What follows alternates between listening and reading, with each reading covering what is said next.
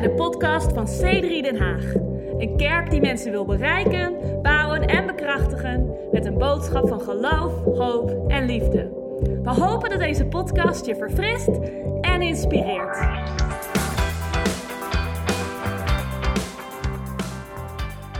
(1 Korinthe hoofdstuk 1 vers 10. Twee weken geleden op Visiezondag heb ik het gehad over 1 Korinthe hoofdstuk 3. En dit is hetzelfde hoofdstuk en dezelfde context waarin Paulus zei: de ene heeft geplant, de andere eh, begiet, maar God geeft de toename. In die context schrijft Paulus iets wat ik denk dat heel belangrijk is voor ons om te, om te pakken, omdat het onderdeel van onze visie is. Niet alleen om kerken te stichten, maar om kerk communities te pionieren. En dus we vinden het heel erg belangrijk om te zien dat kerk is niet alleen een dienst. Kan ik een amen of een halleluja of een yeah baby horen van iemand? Kerk is niet alleen maar een dienst. Kerk is een community. Ons doel is om, om, om kerk communities te beginnen. Dus vandaag is onderdeel van onze 2020 Vision serie wil ik spreken over um, community. En ik wil spreken over de helende werking wat community gemeenschap op ons kan hebben. En deze tekst, in dezelfde context als nogmaals de tekst die we hebben gebruikt voor Visiezondag. Daarin zegt Paulus, ik heb hem hier voor je op het scherm staat, maar ik roep u ertoe op. Dat is geen slappe tekst. Dat is geen slappe oproep. Eh, de Engelse vertalingen zeggen, I plead with you of I appeal to you. Paulus zegt, ik, ik smeek met jullie, ik roep, ik roep jullie hiertoe op. Um, um, om uh, broeders en zusters. Zijn er zusters in het huis vanochtend? zijn er broeders in het huis vanochtend? Zijn er zusters in het huis? Uh, zijn er broeders in het huis? Oké, we're working on it. That's great. Um, maar ik roep ertoe op, broeders en zusters, door de naam van onze Heer Jezus Christus, dat, dat u allen eensgezind bent in uw spreken en dat er onder u geen scheuringen zijn, maar dat u, luister hier naar, hecht aan één gesmeed bent. één van denken en één van gevoelen. Nou, dat is genoeg voor veel van ons om helemaal freaked out te raken vanochtend. Maar ik wil het met je hebben over gemeenschap. Over, over hecht aan één gesmeed zijn. Eén van denken en één van gevoel. Of sommige vertalingen zeggen één van purpose, één van hart. En dus ik wil een moment nemen om te bidden. En ik wil je vragen met me mee te bidden. Laten we geloven dat hier vanochtend God in staat is en bereidwillig is om wonderen te doen. Ik las gisteren in mijn Bijbel. Ik ben bezig om, een, uh, om 40 dagen lang het Nieuwe Testament door te lezen. En ik las voor, uh, gisteren in mijn Bijbel dat er kwamen mijn laatste mannen bij Jezus. En in mijn laatste man in Marcus hoofdstuk 2 zeiden tegen Jezus: Jezus, als u bereid bent om ons te genezen, kunt u ons genezen. En ik denk dat heel veel mensen weten misschien dat God groot genoeg is om een wonder te doen. Maar weten niet, is God bereid om het te doen in mijn leven? En deze laatste mannen die zeiden, God, Jezus, ik weet dat als u het wil, als u bereidwillig bent, dan kunt u een wonder doen. En Jezus werd met zijn hart bewogen, met ontferming bewogen over hen. En hij zei, ik ben bereid en wordt genezen. En hij genas op die dag. En laten we geloven, terwijl we bidden vanochtend, dat God bereidwillig is. Zijn er mensen die geloof hebben voor vanochtend? Ja, dus laten we misschien als je er comfortabel bent onze ogen sluiten. En laten we een moment nemen om te bidden. Vader God, Heer, we danken u in de naam van Jezus. Heer, zoals Paulus smeekte met zijn kerk. Heer, zo, zo, zo spreken we een boodschap, Heer, die belangrijk is voor iedere kerkgemeenschap om te pakken en te ontvangen. Maar we vragen u, God, uh, voor hulp. Ik vraag u om mij te helpen om de boodschap te brengen met genade, met geloof, hoop en liefde, zoals we willen doen iedere zondagochtend. Heer, help mij, Heer, om, om het woord te brengen met uw liefde. En help ons om het te ontvangen, Heer, met uw geloof. In de machtige naam van Jezus. En als we geloof hebben vanochtend, laten we zeggen Amen. Amen. Dankjewel, Bent. Amazing. That was smooth. That was smooth. So, um, ik weet niet, zijn er mensen hier in de zaal die, uh, die een collectie hebben van jeans? Wie van jullie verschillende type jeans? Want dit is een retorische vraag. Wie van jullie heeft er geen jeans? Iemand? Jullie gaat niet reageren, maakt niet uit wat ik, wat ik te zeggen heb vanochtend. Oké, that's great. Dus jullie horen tot die categorie. Maar wie van jullie heeft, wie van jullie heeft ripped jeans? Gescheurde jeans? Zijn er mensen, kijk, zie daar achterin hier halverwege. Oké, ja. Um, ik ben opgegroeid in een gezin waar we ehm, enorm veel. eh, mijn ouders hadden vijf kinderen en geen geld. Dat is, geen goede combinatie. En, eh, en dus we gingen ieder, ieder half jaar naar de tweedehands kledingwinkel. En kregen we allemaal tweedehands kleding. En ehm, op de een of andere manier heb ik ergens een beetje moeite om kleding te kopen wat gescheurd is bij voorbaat. Maar dat is just me, ik ben, ik ben old school. Ehm, maar ik heb Nicola aangemoedigd, eh, pas geleden, om dit jasje te kopen. Vind je het mooi? Iemand? I love this. Dit is, dit is wat we noemen een boyfriend jacket. Omdat hij net te groot is voor haar. Maar eh, veel rips, right? Veel, veel scheuren. En ehm eh, ripped jeans is een, is een ding. Right? Wie van jullie heeft er een hekel aan ripped jeans? Mensen? Oké. Alright. Wie van jullie houdt ervan? Iemand? Ik heb Nicola aangemoedigd om dit te kopen. I, love it. I think it's, ik, ik vind het een eh, geweldig jasje. Kijk eens, voorgemaakte scheuren. En er is iets met, met jeans, wat het is ontstaan in de jaren 80 en het is pas geleden, een aant- aantal jaar geleden moet ik zeggen, weer teruggekomen. Er is iets met, met, ehm, met gescheurde jeans, wat een soort van ultiem teken is van authenticiteit, right? Eh, het is een soort van, want, want het probleem met jeans waren, jeans waren onverwoestbaar. Ehm, en dus eh, begonnen eh, punk rockers in de jaren tachtig te beginnen om hun jeans te scheuren. In mijn tijd, toen ik jong, jonger was, zag je snel me corrigeerde? toen ik jonger was, scheurden wij onze eigen jeans. Want dat was simpelweg goedkoper. Tegenwoordig betaal je extra voor gescheurde jeans. Maar het is de laatste tijd weer, na, in de afgelopen tien jaar weer teruggekomen, omdat het een soort van ultiem statement is van authenticiteit. En de reden waarom ik het met je wil hebben over, ehm, eh, over eh, gescheurde jeans, is omdat deze tekst heel erg interessant is. Omdat Paulus zegt, ik bid, of ik, ik roep je ertoe op, dat er onder jullie geen scheuringen zijn. Hoor je wat ik zeg hier? Snap je waar ik naartoe wil? en, maar hij zegt ook, maar dat u hecht aaneengesmeed bent. De Engelse vertaling, New King James vertaling, heeft het over that you be joined together.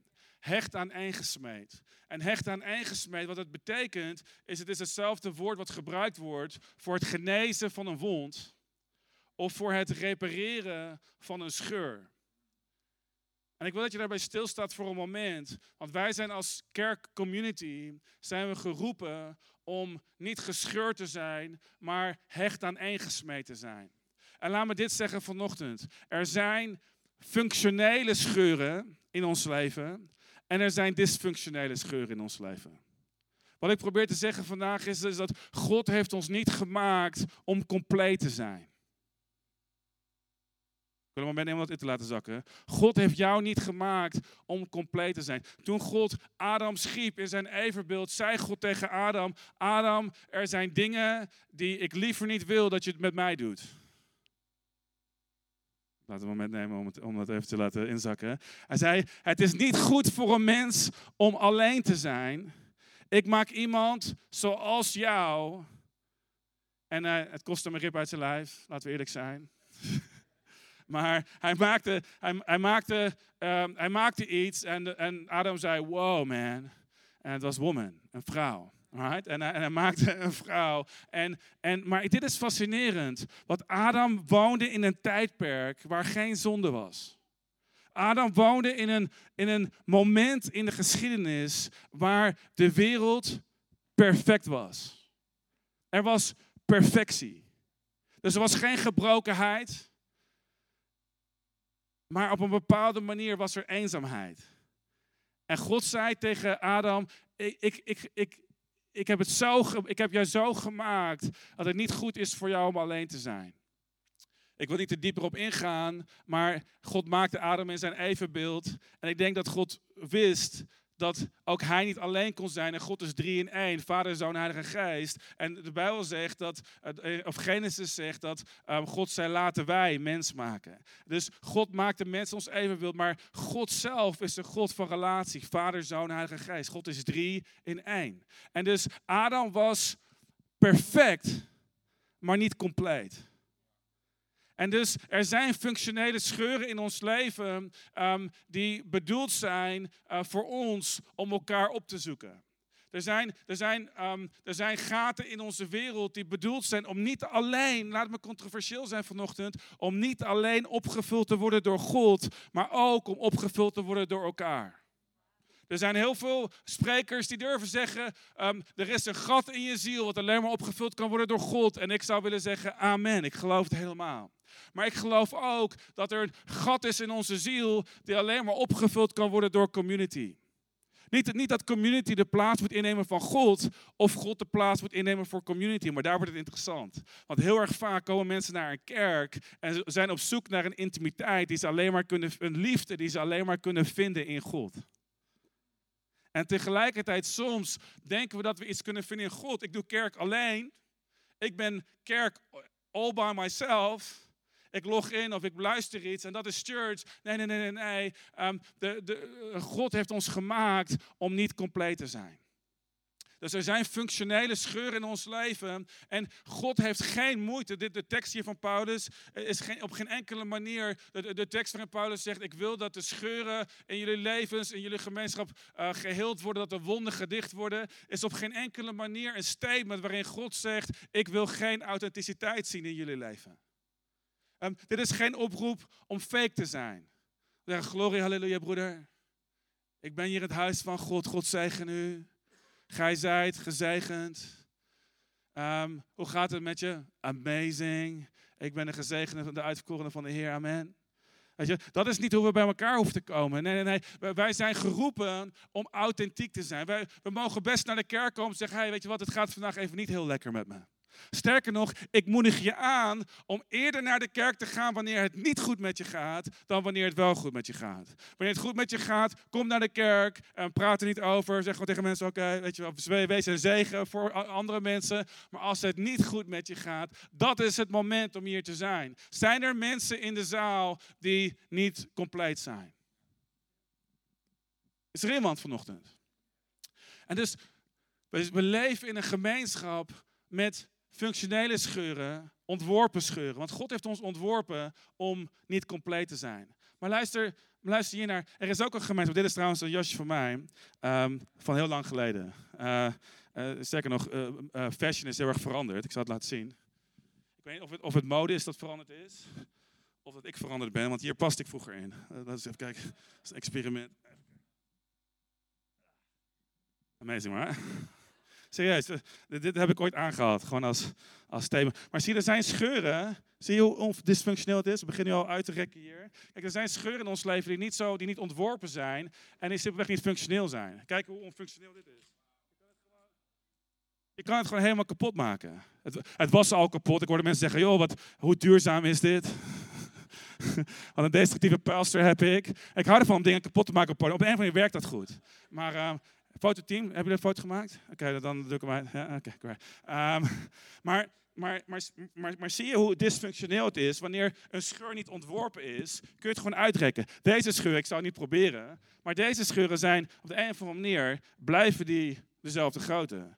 Dit is iets waar je mee kan leven. Soms, oké, toegegeven, soms zie je mensen met scheuren in kleding uh, die ontworpen zijn dat je denkt van, hé, hey, ik weet niet helemaal zeker hoe functioneel het is. Als je hele dijbeen zichtbaar is en alles. Maar ik heb hier nog, ik heb hier nog een, uh, een oud paar jeans van mij. wow, that's amazing. Ik heb trouwens mijn eigen. Uh, dit is van mij trouwens. Um, maar uh, ik declareer dat later wel. Um, kijken wat we hiermee kunnen doen, jongens. Uh, komt, komt later. Um, maar zie, dit is een oud paar jeans van me. Skinny. Ik ben een beetje weg van skinny, uh, de laatste tijd gewandeld. Maar zie, hier zit een scheur in. Uh, kijk, als je hier een scheur hebt. Kijk, eh, ik ben gestopt om dit te dragen, want dit is geen functionele plek om een scheur te hebben, right? Wie van jullie weet waar ik het over heb? Iemand? Heb je op werk gezeten dat je een scheur in je jeans en denkt: oh man, dit is gewoon, dit is niet functioneel. Zie, we houden van scheuren, maar we houden van scheuren die functioneel zijn. Dit is allemaal, dit is allemaal kosher, right? Dit is netjes, dit is, dit is beschaafd, uh, een beetje gekrast, maar, maar het is nog functioneel. En dus God roept ons om authentiek te zijn, maar er zijn scheuren in ons leven. Wow, één seconde hoor.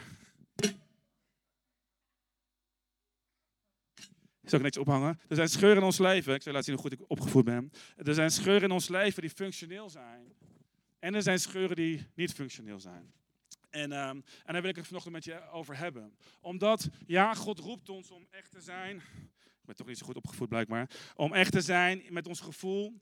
Um, en God roept ons om eerlijk te zijn. Um, maar zie we kunnen niet altijd maar zeggen, dit is hoe ik ben. Ehm, zo ben ik nou eenmaal. Ehm, eh, ik ben nou eenmaal een persoon die anderen niet nodig heeft. Nee, ik geloof dat God ons roept om ehm, bepaalde scheuren in ons leven die er zijn, om die geheel te zien worden. Om bepaalde wonden die er zijn in ons hart, om die genezen te zien worden. En hier is het ding. Ik geloof dat de uitdaging die we zien in community, de scheuren die we soms zien wanneer we samen in een gemeenschap zijn, zijn ook, eh, zijn ook precies de aspecten die ons kunnen helpen om weer heel te worden. Laat ik het anders zeggen. Uh, mijn vrouw en ik hebben bepaalde aspecten in ons huwelijk. We zijn bijna 14 jaar getrouwd. En er zijn aspecten in ons huwelijk die um, dysfunctioneel zijn. En dysfunctioneel zijn geweest. En de problemen die wij hebben gehad in onze relatie. En zijn er mensen die langer getrouwd dan drie maanden geweest in hun leven? Right? Dan weet je dat er geen relatie is die perfect is. En dan weet je dat in iedere relatie dat je een bepaalde mate van dysfunctionaliteit met je meeneemt. En de problemen die je hebt in je relatie zijn afkomstig van de wonden en de pijn en de dysfunctie die er is in jouw leven en in mindere mate in het leven van je vrouw. Tenminste, dat is in mijn geval waar. En zijn er mannen die weten waar ik het over heb, right? Ik heb soms het gevoel dat Nicola veel beter is in bepaalde dingen dan ik. Um, maar dat is just ik denk dat iedere man zich er ongeveer in herkent. Um, maar in een bepaalde mate neem je dingen mee in je leven. En, dat zijn die, en, en, dus, en, en, en het huwelijk, de community van je huwelijk, vergroot de scheuren in je eigen leven. Soms spreek ik met single mensen en zeggen: Ja, Lucas, jij hebt iemand om iedere dag op te steunen. Als jij s'avonds laat zondagavond thuis komt, heb je iemand om, om, je, om, om je hoofd op hun schouders te leggen. Maar wat ik soms wel probeer duidelijk te maken is, ja, that's true. Ik heb iemand waar ik op kan steunen. Maar ik heb ook iemand die op mij leunt en op mij steunt. En zie, het punt is, is dat een, een relatie vergroot de scheuren in je leven. Maar het is een relatie die de scheuren zichtbaar kan maken. Maar het is ook een relatie die de scheuren weer kan genezen. En wij hebben gezien in ons huwelijk dat er bepaalde dysfunctionele dingen in ons als individu, laten we het over mij hebben, in mij als persoon genezen zijn. Niet ondanks, maar dankzij de relatie. En hetzelfde geldt voor Kerk Community. Kerk Community brengt scheuren in ons leven naar boven. Kerk Community laat ons zien waar de afwijzing en waar de pijn zit in ons leven. Laat ons zien waar de teleurstelling zit en waar we in teleurgesteld zijn. Waar we, in, waar we ons um, in afgewezen voelen of, of, uh, of, of wat het ook is in jouw leven. Maar tegelijkertijd is Kerk Community een genezende factor die plaats kan vinden in jouw leven. Is iemand met me vanochtend. Dus God roept ons om hecht aan één gesmeten zijn. En aan één gesmeed betekent nogmaals dat er ooit een gat was, maar het gat is gedicht. Dat er ooit een wond was, maar die wond is gedicht. En ik geloof dat, kerken, eh, dat God door zijn kerk heen werkt om ons te helpen om één te zijn. Nou kan ik um, de spreekwoordelijke olifant in de ruimte bespreken, zoals ze zeggen in het Engels. Er is geen, er is geen Nederlands woord voor, wel Deborah. The elephant in the room. De, de, het, het, het overduidelijk pijnlijke aspect van deze tekst. Dat wij Nederlanders worstelen met ideeën die gaan over denk hetzelfde en voel hetzelfde. Kan ik een amen horen hier? Right? Nee, niemand heeft er moeite mee. Met, uh, laten we met z'n allen, laat ik ook de tekst voorlezen. Um, daarom, wees één van denken en één van gevoel. Zijn er mensen die dit lastig vinden? Laten we het anders vragen. Zijn er Nederlanders in de zaal? Zijn er mensen hier aanwezig? Want, want één van denken en één van gevoel. En als, als ik dit lees, als pastor, dan freak ik uit. Denk van één van denken. We zijn, we zijn zo verschillend als wat dan ook. En ik wil, ik wil hier een kleine nuance in aanbrengen. Want ik denk dat het belangrijk is dat ten eerste dat we zijn geroepen om één te zijn van denken als het gaat om de primaire issues van het christelijke geloof. Eén van denken als het gaat om de belangrijkste aspecten. Bijvoorbeeld wie God is. God de Vader, God de Zoon, God de Heilige Geest. Ehm, over het feit dat we erkennen dat, we, dat iedereen tekortschiet aan de heerlijkheid van God. En iedereen redding nodig heeft. In onze website, de C3 Global, hebben we onze geloofstellingen staan. Wat niet heel erg anders is als de meeste protestantse of evangelische of christelijke of pinksterkerken, hoe je ons ook zou willen noemen. Ik noem onszelf meer contemporary. Maar we geloven de, de, de meer standaard dingen, de primaire statements die we zien in de Bijbel. Dat Jezus de Zoon van God is, dat Hij is gestorven voor onze zonden, dat Hij is opgestaan voor onze vergeving, ehm, dat Hij op een dag terugkomt. We geloven dat God een God is van genade, maar dat we vergeving nodig hebben en dat er een weg is naar God. En dat is de weg Jezus Christus. Maar uit de primaire dingen van het geloof. En wij zijn geroepen om één te zijn van denken als het gaat om de primaire dingen. Kan ik een andere ander statement maken? Ik geloof dat de visie van iedere kerk gefundeerd moet zijn op een primair beginsel. Ben je het met me eens vanochtend? Kunnen we hier één over zijn van denken? Um, ik, ik, ik geloof oprecht dat wanneer we een visie hebben, ja, dat onze woorden kunnen verschillen, maar dat een visie zou moeten gaan van een kerk over de grote opdracht van Jezus Christus. Ga heen in heel de wereld en maak alle volken tot mijn discipelen. De, leer hen alle dingen die ik jullie heb geboden om te doen. Dopen in de naam van de Vader, de Zoon en de Heilige Geest. En ik zal met jullie zijn alle dagen tot het einde van de wereld. Right? Dat is waar het op gebaseerd moet zijn. En als wij spreken over de visie um, van het pionieren van church communities, um, dan is het belangrijk om na te denken, wat is onze motivatie? Maar, maar daarnaast is het belangrijk om na te denken, is het gebaseerd op een primair beginsel? En er is, het is belangrijk om een kerk te vinden waar je je thuis voelt bij de visie. Want de visie is waar we naartoe gaan. Maar tegelijkertijd geloof ik dat deze visie gefundeerd is op de oproep van Jezus om de wereld in te gaan. Ik geloof dat er een noodzaak is voor nieuwe kerken in, in westerse steden, overal, of eigenlijk gewoon in, in, dat er gewoon ruim, dat er een behoefte is aan nieuwe kerken, omdat niet iedereen in onze steden God kent. En zolang er mensen zijn die zeggen: Ik heb geen kerk gevonden die ik thuis kan noemen, hebben wij een roeping om de wereld in te gaan. En een van de meest effectieve vormen van evangelisatie is het stichten van kerken. Sterker nog, het stichten van nieuwe kerken. In nieuwe kerken zie je dat er meer mensen tot geloof komen dan in huidige of in oude kerken. Over, over de grote breedte genomen. Dus ik geloof dat God ons roept om kerken te stichten. Maar nee, God roept ons om één te zijn van denken. En ik denk dat het Bijbels is om één te zijn van doel. Maar laat me ook dit zeggen. Terwijl we één zijn van denken op, het, op de primaire gebieden, zullen er aspecten zijn die, waarin we misschien van elkaar verschillen. Ik denk dat het belangrijk is voor ons om de Bijbel te bestuderen, kan ik er aan mijn horen. Want de Bijbel geeft ons, ja, dat is pretty big, right? En want de Bijbel geeft ons hele duidelijke waarheden.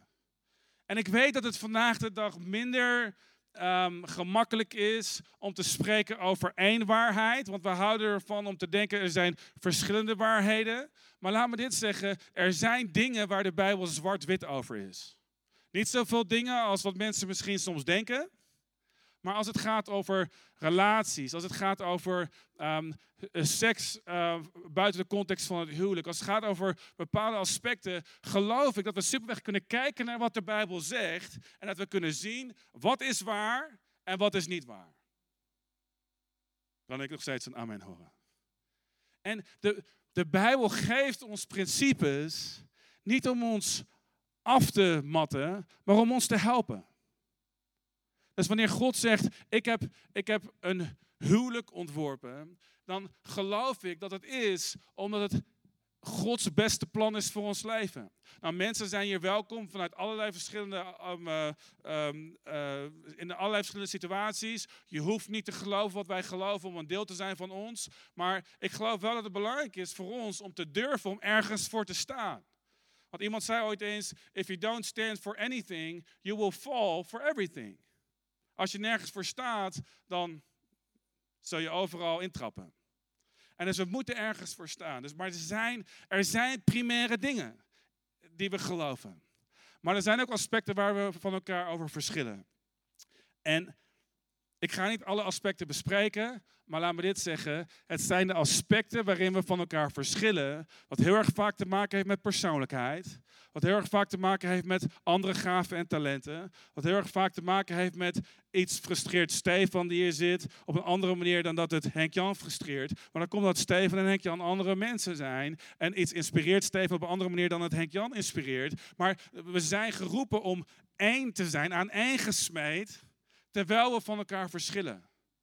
Er is helemaal geen enkel nut in eenheid als er niet ten eerste in eerste instantie diversiteit is. Right? Waarom zou je een, een kledingcollectie ehm, hebben als alles hetzelfde is? Vragen het even niet aan Steve Jobs, want die zou waarschijnlijk alles hetzelfde hebben. Maar, maar snap je, een collectie per definitie is een verscheidenheid van dingen die samen zijn gebracht als een eenheid. Wij zijn als kerk een eclectisch genootschap. Like that? Een, e-, een eclectisch genootschap samengebracht in diversiteit. En we verschillen van elkaar. Maar we zijn geroepen om één te zijn van denken op de gebieden die primair zijn. Maar we zijn geroepen om um, één te zijn van hart in de gebieden waar we van elkaar verschillen. Kan ik dat nog één keer zeggen? Want dat was, dat was beter dan de reactie in de zaal. Wij zijn geroepen om één te zijn van denken op de gebieden die primair zijn. En we zijn geroepen om één te zijn van hart op de gebieden die we met, waar we met elkaar over verschillen. En de gebieden waar we over verschillen, zien we niet hard, zwart op wit, tekst en uitleg van in het woord van God. Laat me daar ook helder over zijn. Dus, anyway, oké. Maar zelfs als we met elkaar verschillen op het gebied van primaire, uh, primaire aspecten, zelfs dan is de vraag, hoe gaan we met elkaar om in de verschillen? In andere woorden, hoe kunnen we aaneengesmeed zijn wanneer we anders zijn dan elkaar? En wees met me eens dat dat de grootste uitdaging is van kerk zijn. Aaneengesmeed zijn terwijl we anders zijn. Waarom ziet pastor Lucas het niet zoals ik het zie? Wel, 99% van mensen zal met je zijn. nou, just kidding. Maar waarom? Omdat onze roeping, ons perspectief, onze functie is verschillend. Puur vanwege het feit dat we anders zijn, wil niet zeggen dat we geroepen zijn om alleen te zijn. Kan ik je een voorbeeld van een huwelijk geven? Nicola en ik zijn niet hetzelfde. Maar dit is een van de redenen waarom ik het zo geweldig vind dat zij onderdeel is geworden van, ons, van onze staf. Dat ze, dat ze in ons kerkteam zit. Omdat eh, het moment dat ze binnenkomt, voegt ze iets toe wat ik niet kan toevoegen. Wie voor jullie is daar dankbaar voor? Iemand? En het is geweldig wanneer diversiteit samenkomt en eenheid brengt. Maar zie, ik denk dat liefde een van de belangrijkste aspecten is die ons kan helpen om om te gaan met onze verschillen. Zie, want liefde is gemakkelijk wanneer we allemaal hetzelfde zijn.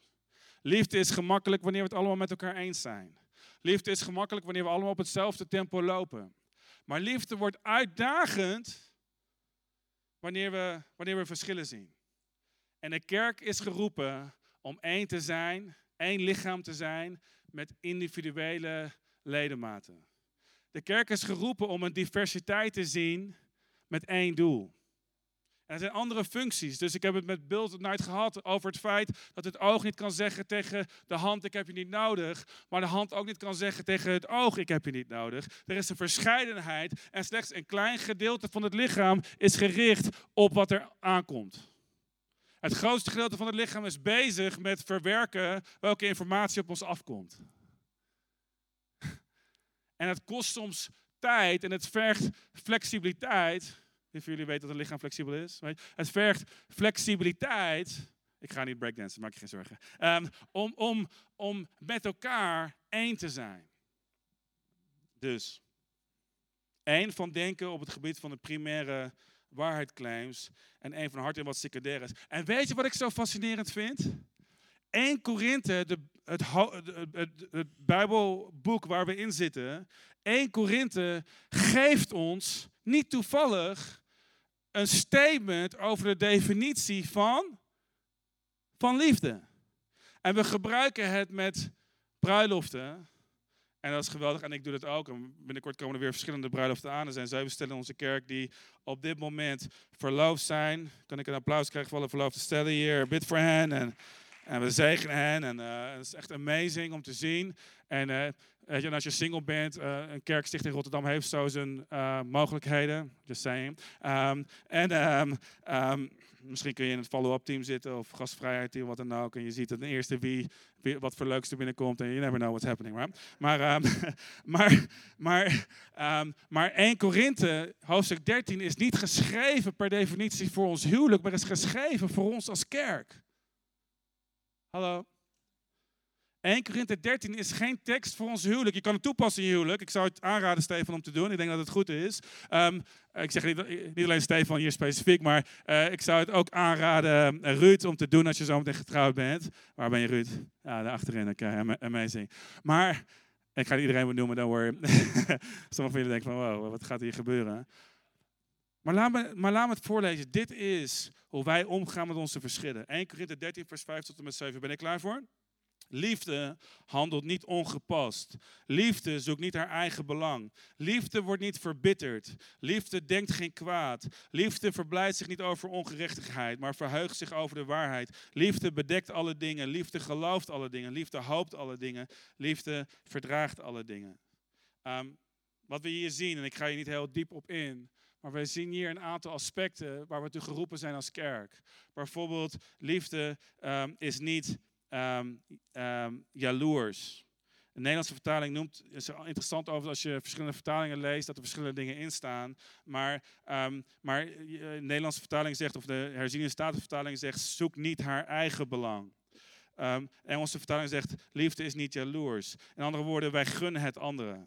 Liefde, zegt de Bijbel uh, uh, in de uh, NLT-vertaling, love is patient and kind. Liefde is vriendelijk. Zie, weet je, wanneer we het met elkaar oneens zijn, is het vriendelijkheid en geduld wat ons anders maakt dan andere communities. Waar we toe geroepen zijn als kerk. Om met, in oneenigheid, om geduldig te zijn en om vriendelijk te zijn. Zijn er vriendelijke mensen in de zaal vanochtend? Liefde zoekt niet haar eigen belang. In andere woorden, liefde is dienend. Ik denk dat kerk soms een van de plekken kan zijn waar mensen het meeste bezig kunnen zijn met zichzelf. En ik denk dat het logisch is, omdat we komen naar de kerk om opgebouwd te worden. En we komen naar de kerk en we willen onze roeping vinden voor ons leven. Maar soms is het zo fascinerend. Soms hoor je mensen zoveel praten over mijn roeping.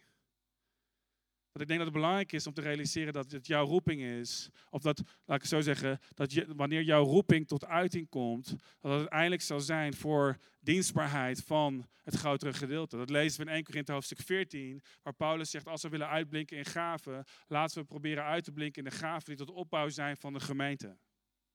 Die tot opbouw zijn van het lichaam. Dus het, dit was een kerk in Korinthe waar mensen bezig waren met mijn talent mijn profetie, mijn gave om te spreken, mijn visie, mijn, mijn genezingsgave. En er waren mensen die letterlijk bezig waren met hoeveel mensen heb jij genezen en hoeveel mensen heb ik genezen. Oh, ik heb er 14 afgelopen zondag. Hoeveel had jij? Oh, 13. Ah, oh, man, what, what's going on?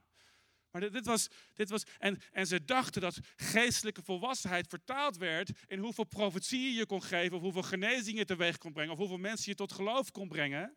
Right? Dus het was een soort van scorebord. En hier zegt Paulus, liefde zoekt niet het eigen belang. Liefde is niet bezig met zichzelf. Liefde is dienend.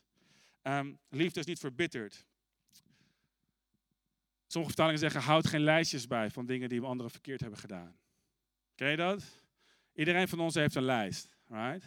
We lopen rond in een kerk en denken, oh, we hebben, we hebben een, een pluslijst en we hebben een minuslijst. En ik geloof dat God ons roept om de lijsten te schrappen en te zeggen, niet om mensen die niet betrouwbaar zijn opnieuw te vertrouwen, daar heb ik niet over. Right? Maar om te vergeven en om te vergeven in alle wijsheid en om, en om niet bij te houden, oh je staat nu op min drie. Petrus zei tegen Jezus, hoe vaak moet ik vergeven? Zeven keer. Jezus zei zeven maal zeventig keer. En andere woorden, zeven is, is een, een, nummer van compleetheid. En andere woorden, ontelbaar aantal keren is iemand enthousiast over vergeving vanochtend. Liefde is iemand enthousiast, is niet verbitterd. Liefde denkt geen kwaad. Liefde gaat uit van de beste bedoelingen. Zie, liefde denkt dat als je pijn wordt gedaan in de context van de gemeenschap van de kerk, dat het niet de bedoeling was. Ken je dat gevoel wanneer iemand je ergens van beschuldigt en je denkt van, maar dat was niet mijn bedoeling? Dat is wat we zelf denken, omdat we, we, kunnen, naar de, we kunnen naar onszelf kijken met een gebalanceerd perspectief. Want ik kan zien, ja, zo kwam het eruit. En ik geef toe, het was enigszins verrot en gebroken. Maar als je zou begrijpen wat mijn bedoeling was, dan zou je begrijpen dat mijn houding een houding is van liefde. Maar zie, liefde gaat ervan uit dat ja, ik, ja, het doet me pijn, maar ik geloof dat je het niet zo hebt bedoeld. Ik vergeef je, want ik ga uit van je beste bedoelingen. Ik, ik denk geen kwaad. Liefde gelooft alle dingen. Dat betekent niet dat we alles geloven, maar als het gaat om in een gemeenschap van elkaar, dat we elkaar vertrouwen, dat we elkaar geloven. Dat, dat als we zeggen, ja, zo heb ik het bedoeld, dat het ook zo bedoeld was, dat we elkaar kunnen vertrouwen. Is iemand je enthousiast over? Dan kunnen de band naar voren vragen. We gaan over een paar minuten afsluiten. Maar hier is mijn ding. Ik denk dat het heel belangrijk is vanochtend en wat ik vandaag voor wil bidden. Um, mijn, mijn ding is, is dat, en dit is goed nieuws en slecht nieuws. Het, het slechte nieuws is dat iedereen schiet tekort wanneer het gaat om deze mate van liefde. Right? Iedereen schiet hierin tekort. En ik denk dat dat bemoedigend is op een vreemde manier. Omdat ik denk dat het enorm belangrijk is om te beseffen dat wij denken vaak dat sommige mensen, of de meeste mensen, de specialisten zijn van liefde, maar ik schiet tekort. Right? Is er iemand in de zaal zoals ik? Waar je denkt, oké, ik schiet tekort in liefde. Is er iemand die het gevoel heeft dat ik schiet tekort in als het gaat om, om, om, om deze lijst? Ik heb het gevoel van, oké, dit, is, dit is niet voor mij weggelegd. Dit is te moeilijk, dit is te zwaar. Petrus zei, hoe vaak moeten we vergeven? Omdat Petrus zag Jezus en dacht, hoe kan ik vergeven zoals Jezus vergaf? En ik denk vaak dat als wij eerlijk naar onszelf kijken, dat we vaak denken dat andere mensen in onze omgeving veel beter zijn en lief hebben dan onszelf. Maar hier is het goede nieuws. Is wij hoeven onszelf niet te meten aan de standaard van andere mensen. Maar we kunnen onszelf meten aan de standaard van God. En dat kan verlammend werken als we het zo zien. Als we denken, dit is de standaard van liefde van Jezus. Jezus stierf aan het kruis. Jezus werd beschuldigd en verdedigde, verdedigde zich niet. Jezus gaf zijn leven voor mij. Dit is de liefde van God. En nu ben ik geroepen om dezelfde vorm van liefde te hebben voor anderen. Dat is verlammend. Want we zien het als een maatstaf, right? Maar als we beginnen te realiseren dat de liefde van Jezus geen maatstaf is waar wij aan hoeven te meten, maar dat de liefde van Jezus een reflectie is van zijn hart naar ons. Zie, die grote liefde, die liefde van Jezus die zichzelf gaf voor ons, die, die oneerlijk behandeld werd, maar hij vocht niet terug. Die geloofde in anderen. Dat is de liefde die geloofde in mij. Dat is de liefde die zichzelf gaf voor mij. En, ik, en ik, ik ben ervan overtuigd dat als wij beginnen te zien hoe groot, hoe wijd, hoe diep, hoe ver, hoe breed de liefde van God is, die we zien in Jezus naar onszelf, dat het makkelijker wordt om te zeggen: Oké, dit is de liefde van God voor mij. Dit is wat God mij heeft gegeven. Dit is het lijstje wat God voor mij heeft weggewerkt. Nu kijk ik naar anderen en probeer ik simpelweg die liefde door te geven naar anderen in mijn leven. De liefde die ik nodig had van God was groter dan de liefde die anderen nodig hebben van mij. Dus ik ben in staat om te geven, omdat ik ontvang uit de liefde van God. Kom op, is iemand hier enthousiast over? Zie je, de Gods liefde is geen maatstaf, maar Gods liefde is een bron. Gods liefde is geen meetlat, maar Gods liefde is een dynamo in ons hart die, die ons energie geeft om opnieuw te vergeven, om opnieuw lief te hebben. En ik was zo enthousiast, om eerlijk te zijn, ik was bezig met deze preek en ik had een dag voorbereid en ik was zo enthousiast en ik, en ik, en ik reed rond door de stad en ik, ik stopte bij een stoplicht. Ik zat op een motor om eerlijk te zijn en het was niet echt geweldig weer, het was redelijk koud. En opeens raakte het me. Iets wat ik die week ervoor had gelezen. Ik wil het met je voorlezen ter afsluiting van deze preek. En het raakte mij omdat ik dacht, dit is perfect voor dit woord. En er zijn momenten dat je een preek voorbereidt dat je denkt, dit is gewoon God. Dit is gewoon zo goed. Dit, dit is gewoon beter dan ik zelf had kunnen verzinnen. En ik, en ik zat op mijn motor en ik dacht, oh man, dit is gewoon amazing. Ik geloof dat de auto die naast me zat me aankeek en dacht van, what's wrong with you? Je, want op een motor kun je niks verbergen. Dus ik zat echt zo, oh man, dit is fantastisch. Dus ik kon niet wachten om naar huis te gaan om dit op te schrijven. En dit is de tekst die ik, die ik thuis um, voor mezelf noteerde. En dat is deze tekst. Um, Marcus 2, vers 21, waar dit, Jezus dit zegt. Hij zegt, en niemand naait een lap, niet gekrompen stof, op een oud bovenkleed. Gaan we mee? Dit gaat, dit gaat logisch worden. En anders scheurt de nieuwe aangenaaide lap iets af van het oude bovenkleed en er ontstaat een ergere scheur. In andere woorden, Jezus zegt, als je, als je een, een, stuk, een stuk stof repareert, dus je hebt te maken met een gat, wat je niet moet doen, is een, een nieuw stuk stof pakken en, en plaatsen op een oud stuk stof. Waarom? Het oude stuk stof is al uitgerekt en het nieuwe stuk stof is, is nog niet uitgerekt. Dus wat je gaat doen is het nieuwe stuk um, kan niet, um, zal, zal niet de flex kunnen hebben die het oude stuk heeft en het zal scheuren, right? En dan zegt hij iets interessants. Hij zegt, en ook, en luister naar hiernaar, want dit past zo goed bij Visie Zondag, bij, bij onze visie. Ook doet niemand nieuwe wijn in oude leren zakken. Anders doet de nieuwe wijn de zakken barsten en stroomt de wijn eruit en de, de zakken gaan verloren. De nieuwe wijn moet men in nieuwe zakken doen. Wat, zegt, wat, wat staat er hier? Oké. Wij hebben niet te maken met wijn in wijnzakken, right? Wel eens wijn in een wijnzak gedaan? Nog nooit. Dus we weten niet zo goed wat, er, wat ermee bedoeld wordt. Maar wat we snappen is dat nieuwe ideeën passen bij een nieuw hart. Right? Maar we hebben wel te maken met stretchstof. Zie, laat me, laat me een persoonlijke beleidnis doen. Mijn jeans hebben geen enkele stretch. Zie je dat? Ik kan niet zien waarschijnlijk, maar er zit geen stretch in. Wanneer je skinny jeans aan hebt, is het essentieel dat het stretchstof bevat. Sommige mensen dragen skinny jeans zonder stretchstof. En wat er gebeurt is, je zit in een moment van aanbidding en denkt, oh God, dank je Jezus. En, en, je, en je jeans scheuren. Dus een belangrijke les voor aanbidding, wanneer je jeans skinny zijn, gebruik stretchstof. En wanneer je jeans niet skinny zijn, um, dan mag je doen wat je wil? Maar wat Jezus zegt, is wanneer je een stuk stof repareert, doe het dan, gebruik stretchmateriaal voor stretchstof. En gebruik geen stretchmateriaal voor geen stretchstof, zodat het niet kapot gaat. Maar hier is de kicker, right? Hier is het einde. We komen aan, we gaan beginnen te landen. En we komen aan bij het slotstuk, het huzarenstuk van mijn preek. Eén simpele zin. En dat is, ik geloof dat God ons hart wil genezen. Ik geloof dat God dus de scheuren wil repareren. Maar ik geloof ook dat God ons roept om ons hart uit te stretchen. Zie, ons hart per definitie is stretchmateriaal, right? Als je hart niet stretch is, dan kan het niet pompen en kan het niet functioneren. Dus wanneer je hart statisch is en het wordt gescheurd, en, dan kan God een wonder doen en God kan het genezen. Maar wat je zou merken is dat over een half jaar je hart opnieuw gescheurd is. En God roept je niet om gebroken te zijn, om dysfunctioneel gescheurd te zijn. God roept je om functionele scheuren te hebben, maar niet om dysfunctionele scheuren te hebben. Dus God wil je repareren, maar God roept je op om, om een stretchhart te hebben, om groter te zijn van hart, om groter te zijn voor vergeving, om zijn stretch aan te nemen in jouw leven, om te zeggen, God, ik, ik wil groter zijn van hart. Bedankt voor het luisteren naar deze podcast. Wil je er op zondagochtend ook een keer bij zijn? Je bent van harte welkom. Ga voor meer informatie naar c3denhaag.nl